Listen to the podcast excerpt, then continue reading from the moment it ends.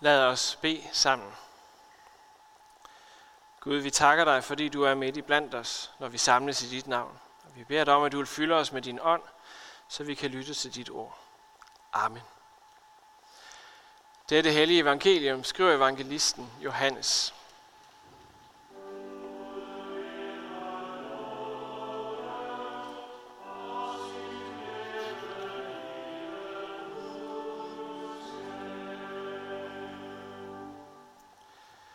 Jesus sagde, ikke for dem alene beder jeg, men også for dem, som ved deres ord tror på mig. At de alle må være ét, ligesom du, far, i mig og jeg i dig. At de også må være i os, for at verden skal tro, at du har udsendt mig. Den herlighed, du har givet mig, har jeg givet dem, for at de, for at de skal være ét, ligesom vi er ét. Jeg i dem, og du i mig for at de fuldt ud skal blive ét, for at verden skal forstå, at du har udsendt mig og, el- og har elsket dem, som du har elsket mig. Far, jeg vil, at hvor jeg er, skal også de, som du har givet mig, være hos mig. For du har elsket mig, før verden blev grundlagt. Nej, undskyld, det var forkert. Jeg prøver det igen. Fader, jeg vil, jeg vil, at hvor jeg er, skal også de, som du har givet mig, være hos mig for at de skal se min herlighed, som du har givet mig. For du har elsket mig, før verden blev grundlagt. Retfærdige far, verden har ikke kendt dig, men jeg har kendt dig. Og de har erkendt, at du har udsendt mig. Og jeg har gjort dit navn kendt for dem, og vil gøre det kendt, for at den kærlighed, du har elsket mig med, skal være i dem, og jeg i dem. Amen.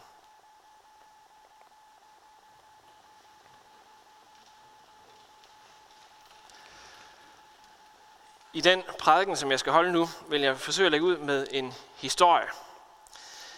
Det er en historie om en kirke, som jeg engang besøgte for 10 år siden, eller noget af den stil. Og mens jeg fortæller, så vil jeg bede dig om at lægge mærke til, ind i dig selv, hvad er det sådan for en følelse, du får, når jeg fortæller den her historie. Læg mærke til, om du bliver udfordret, om der er noget inde i dig, der tænker, det kan virkelig ikke passe eller om du glædes, eller undres, eller hvad det nu er. Prøv at lægge mærke til det. Det vigtige er egentlig ikke min historie. Det vigtige er følelsen, som du har inde i. Jeg skal også ærligt sige, at måske har jeg fortalt den her historie her i kirken før. Jeg kan faktisk ikke huske det. Men det er egentlig også ligegyldigt. Det er væsentligt at lægge mærke til, hvordan du reagerer på den. Godt, så er vi klar. Mens jeg studerede teologi, og var ved at blive klar til at blive præst, så havde jeg på et tidspunkt et studieophold i USA. Jeg var der et halvt år for at studere på et universitet derovre i Los Angeles. Og jeg havde besluttet mig for, at når jeg kom derover, så ville jeg forsøge at besøge så mange forskellige kirker, som jeg nu kunne om søndagen, for at se, hvordan de forskellige holdt gudstjeneste. For det kunne jo være, at man kunne lære en ting eller to, eller blive udfordret, eller hvad det nu kunne være. Så var jeg en søndag øh, i en menighed til gudstjeneste hos nogen, som kaldte sig The Tribe. Altså det betyder stammen eller stammefolket eller sådan noget i den stil. Det var sådan, de kaldte sig. De var meget sådan hippe, kan man sige. De holdt til i bygningerne fra en gammel fabrik, som nu er blevet, som er blevet nedlagt, og som nu var sådan et kreativt sted, hvor kunstnere de kunne finde plads til deres kreativitet, til deres skulpturer, billeder osv. Der var plads nok i, det her, i den her gamle nedlagte fabrik. Og gudstjenesterne de blev holdt om aftenen i en stor lagerhal. Det var ikke fordi, de var ret mange mennesker, men lagerhallen her, hvor de var, var temmelig stor.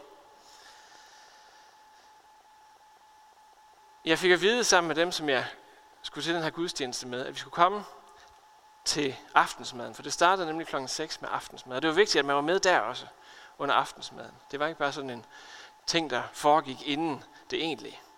Nej, vi skulle komme til aftensmaden, og det var sammenskudskilde. Alle skulle have noget med, men vi var gæster. Og det er jo godt kristen princip, at der altid skal være plads til en mand eller to ekstra ved bordet, fik vi at vide. Så det var fint. Så vi sad ved det her bord sammen med hele menigheden her og spiste øh, og havde det godt. Og til sidst så var der en, der rejste sig op og sagde, at nu skulle vi fejre nadver som afslutning på måltidet. Så indstiftelsesordene blev sagt, og så blev der først sendt et brød rundt, som vi så kunne tage en lille lunds af, og så et bæger med vin, som vi så alle sammen lige kunne tage et lille sip af. Det var ikke så coronasikkert, men det var der heller ikke noget, der hed. Det er 10 år siden. Da vi så havde afsluttet nadveren, så rejste vi os og satte os i en anden del af den her hal. Der var sådan et område med en masse genbrugssofaer. Øh, ting, som de sikkert havde fundet billigt, som de så havde stillet rundt om en lille scene der i hallen. Og øh, så trådte der en DJ op med sin computer og nogle store fede højtalere op på den her scene, og så begyndte han ellers at spille det, han nu spiller. Der var godt gang i den, der var rytmer i hele hallen. Og vi, der kom hjem fra lille Danmark og var vant til et orgel, eller en guitar, eller klaver, eller hvad det nu kan være, vi var sådan en lille, lille bitte smule udfordret her. Men der var godt gang i den, og folk begyndte at rejse sig op og danse med, og havde det hyggeligt og festligt. Der blev også sunget en linje. Og jeg kan ikke huske den endnu, selvom det er 10 år siden. Den lyder sådan her. All goodness and light is within you, Lord. Al godhed og lys er i dig, Gud. Punktum. Og det er jo en fantastisk sætning. Det er jo slet ikke det. Men den blev sunget, og som det jo er med sådan noget teknomusik, så gentager det sig. Så jeg ved ikke, hvor mange gange i løbet af den her seance, vi fik sunget, All goodness and light is within you, Lord. Efter noget tid sluttede musikken. Så var der en ny person, der rejste sig. En, som vi ikke lige havde hilst på før. Som så havde forberedt en prædiken, som han holdt. Prædiken sluttede af med, at vi bad sammen. Og bagefter så var der en i menigheden, som så viste sig at være en verdenskendt teolog. Jeg har læst bøger af og alt muligt, som gav ost og rødvin. Han var åbenbart en del af den her menighed og havde fødselsdag den dag. Så han gav ost og rødvin. Jeg tror ikke, det var normalt, at det var sådan, det sluttede af. Men det var gudstjenesten, som vi var til. Startede med, øh, med aftensmad og sluttede på den måde. Så jeg ved ikke, hvad du tænker, når du hører den her historie om den her oplevelse. Hvilke følelser er der i kroppen, når du hører om den her gudstjeneste? Tænker du, det der, det er der ikke nogen gudstjeneste. Eller tænker du, fantastisk, at de her mennesker kunne finde ud af at holde en gudstjeneste på en måde, på den måde, som de allerhelst ville. Eller tænker du et eller andet midt imellem? Prøv at huske på følelsen, så kommer vi tilbage til den senere. Når det er vigtigt at lægge mærke til, hvordan du og jeg føler, når vi hører noget, der er så anderledes som det her, så er det blandt andet på grund af den bøn, som vi læste før, som Jesus beder sent om aftenen skal torsdag, lige inden han bliver taget til fange, lige inden han bliver korsfæstet. Jesus skal snart tage afsked, tage bort fra sine disciple. Og han forlader dem med en opgave, nemlig at være vidner over for alle mennesker om ham. Og Jesus beder Gud om at bevare disciplene hos sig og udruste dem, så de kan være i verden, selvom de skiller sig ud fra den. Og det er sådan cirka her i bønden, vi kommer ind i det, som vi har læst i dag. Og her siger han, at han beder ikke bare for disciplene, men også for dem, som kommer til tro på grund af deres vidensbyrd. Det er jo så blandt andet os. Og han beder om, at alle de her mennesker, som er kommet til tro på ham, at de må være ét. At de må stå sammen, holde af hinanden, være et fællesskab, en enhed, på trods af, at der måske er stor forskellighed. Jeg synes lige, Jesus minder lidt om et par forældre, der sender deres barn afsted på efterskole, eller hvor barnet flytter hjemmefra. Forældrene håber og beder til, at barnet må klare sig godt, nu hvor det jo så altså er ude af deres hænder at sørge for det. På samme måde beder Jesus nu, hvor han forlader disciplene, og de må klare sig, jeg har nær sagt på egen hånd, det er selvfølgelig ikke helt rigtigt. Der er noget med helgen om en uges tid. Og i den her situation, der er det åbenbart altafgørende for Jesus, at disciplene er et. At de holder sammen, har kærlighed til hinanden. Og han siger selv, hvorfor. Jesus beder sådan her, nu læser jeg lige igen. Den herlighed, som du har givet mig, har jeg givet dem, altså disciplene, for at de skal være et, ligesom vi er et. Jeg i dem, og du i mig. For at de fuldt ud skal blive et. for at verden skal forstå, at du har udsendt mig, og har elsket dem, som du har elsket mig. Jesus ønsker over alt andet, at disciplene skal være ét. For at hele verden skal forstå, at disciplene er vidner om Jesus. Og om at Jesus har elsket alle mennesker i hele verden på samme måde, som Gud elsker Jesus. Det kan godt være, det også var forkringlet. Så tager vi lige en gang mere her. Den kærlighed, som er i fællesskabet mellem faderen og sønnen i treenigheden. Den, som binder treenigheden sammen. Den kærlighed elsker Jesus et hvert menneske i den her verden med. Og derfor ønsker han, at alle skal høre sammen med ham.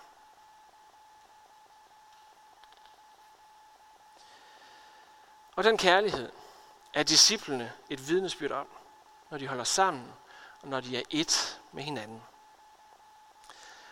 Med andre ord, disciplenes fællesskab vidner om, hvem Jesus er. Så hvis de strides og bekæmper hinanden, så er de ikke særlig godt vidnesbyrd. Men hvis de enes og elsker hinanden på tværs af generationer, på tværs af social status, af indkomst, af hudfarve, af oprindelse, af hvad som helst. Tænk, hvilket vidnesbyrd de så er. Vi lever i en kultur, hvor vi oftest finder fællesskab med mennesker, der ligner os selv meget. Og det kan der være noget godt og givende i, at finde sammen med familier, der har børn på den samme alder som os selv, eller unge, der finder sammen med andre studerende, der studerer det samme som dem selv, har de samme interesser, eller hvad det nu kan være. Og det kan alt sammen være godt og givende. Men kirkens kald er ikke at danne nischer på den måde. Kirken må vise, at Guds evige kærlighed kan danne fællesskaber på tværs af et hvert skæld, kan hele et hvert brudt forhold og genoprette hvad som helst, der er gået i stykker. Det var det, Jesus kom for.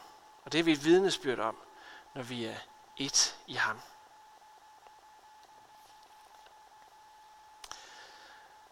Se, nu skal vi finde følelsen frem for før. Og jeg skal jo være fuldstændig ærlig. Selvfølgelig har jeg bygget den her prædiken op i den forventning, at der vil være negative følelser imellem. Eller at I i det mindste vil være en lille bitte smule udfordret på jeres syn på, hvad en gudstjeneste er. Ellers var det jo ikke så sjovt. Sagen er, det bliver vi nemlig lidt negative eller udfordret, når vi møder noget, der er meget, meget anderledes end vores eget. Og jeg var selv udfordret, da jeg var til den her gudstjeneste. Det er jo derfor, jeg husker den så godt, dybest set. Og den gav mig stof til eftertanke i forhold til, hvad der skal til for at holde en gudstjeneste. Men hvis vi er udfordret, så lad os prøve at lave et tankeeksperiment. Det modsatte tankeeksperiment, kan man sige. Hvis nu vi tager den her flok, som jeg mødte over i den her øh, fabrikshal i Los Angeles, og sætter dem her i vores gudstjeneste i dag. Hvordan tror jeg så, de vil have det, hvis vi prøvede dem ind her? Mit bud er, at de vil være lige så fremmedgjorte og, og udfordrede, som vi ville have været i den modsatte situation. Det vil jeg tro. Og så kan vi jo begynde at diskutere indbyrdes. Hvis gudstjeneste, der er bedst, og hvorfor det, det og det og det er forkert hos dem, og hvorfor vores er det helt rigtige. Men sagen er, at de her mennesker, som jeg mødte dengang, de elskede at holde gudstjeneste lige præcis som de gjorde. Præcis ligesom mange af os elsker at holde gudstjeneste lige præcis som vi gør. Det jeg vil sige med alt det her, er jo ikke, at vi ikke må tænke, at der er noget, der er rigtigt og forkert, noget, der er godt, og noget, der føres os dårlige steder hen. Jeg siger det heller ikke, fordi vi ikke må påpege, når der er noget, der er falsk og forkert.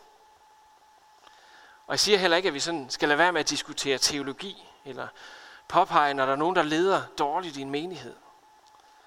Der var folk i den her menighed, som jeg mødte der, der vidste alt om, hvad dårlig teologi og dårlig ledelse det kunne gøre, og havde oplevet det på egen krop. Selvfølgelig skal vi diskutere teologi. Selvfølgelig skal vi gå op i, hvordan vi er en sund og sand kirke. Det er altafgørende, at vi gør det. Men det jeg siger, er, at på trods af vores forskelle, os der er her i lille Danmark og alle mulige andre steder i verden, på trods af vores forskelle, så er vi nødt til at finde en måde at være ét på. Vi er nødt til at finde en måde, hvor vi kan høre sammen på. Hvor vi kan være en enhed sammen. Vi er nødt til at finde en måde at være brødre og søstre. Ægte brødre og søstre i Herren på. Det er det, Jesus kalder os til i det, vi har læst i dag. For vi er nemlig et vidnesbyrd om Jesu kærlighed til verden.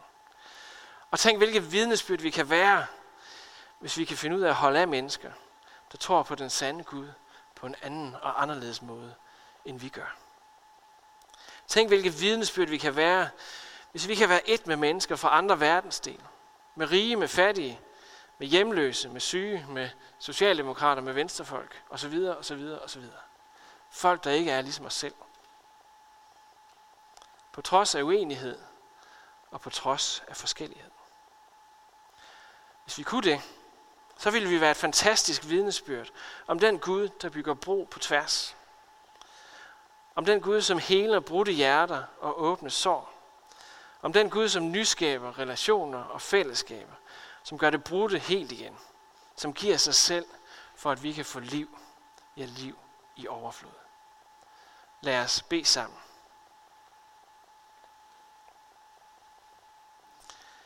Ære være faderen og sønnen og helligånden, som det var i begyndelsen, således også nu og altid og i al evighed.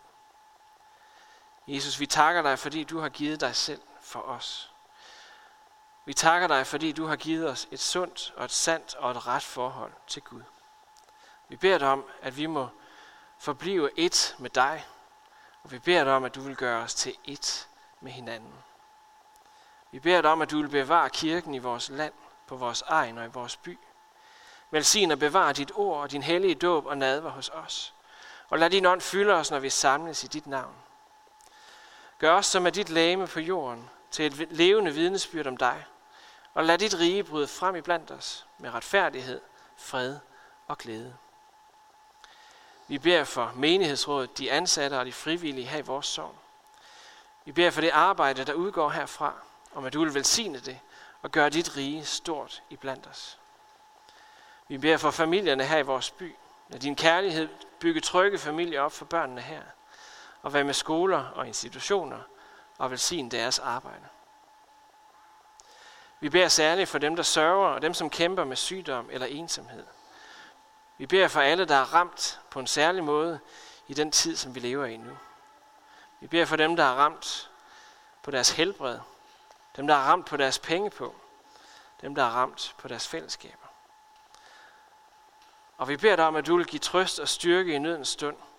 Og vi beder dig om, at du vil sende en ven til dem. Så beder vi dig velsigne og bevare vort folk og vort land. Vær med politikere og øvrighed, og led dem med dine veje. Velsign vor dronning Margrethe og hele hendes hus, og giv os alle din nåde, fred og velsignelse, og lad os samles med dig i dit rige. Amen. Lad os rejse os og med apostlen til ønske hinanden. Hvor Herre Jesu Kristi nåde, Guds kærlighed og Helligåndens fællesskab være med os alle. Amen.